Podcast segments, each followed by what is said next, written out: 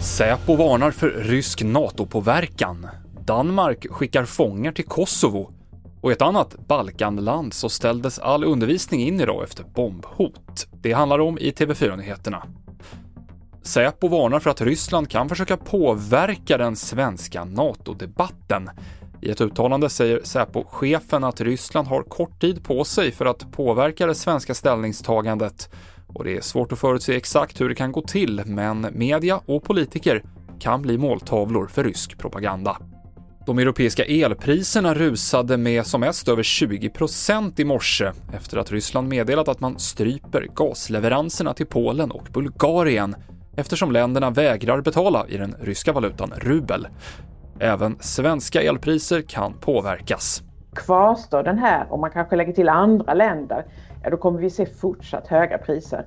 Är det Polen och Bulgarien och vi känner att det lugnar sig, ja men då kommer priserna gå tillbaka. Så det handlar mycket om hur trygg marknaden är med vad som ska hända härnäst. Lotta Aronsson, elprisexpert på E.ON. Danmark hyr 300 fängelseplatser i Kosovo och ska skicka dit fångar som dömts till utvisning. Anledningen är att det är brist både på platser och på personal på danska fängelser och det väntas bli ännu värre de kommande åren.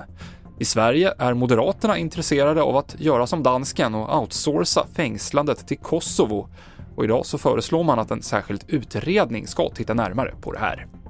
Vi avslutar i Montenegro där alla skolor i landet stängdes idag på grund av ett flertal bombhot.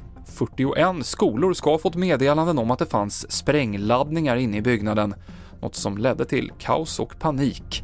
Inga sprängmedel har hittats och polisen utreder vem eller vilka som ligger bakom hoten. Fler nyheter finns i appen TV4 Nyheterna. Jag heter Mikael Klintevall.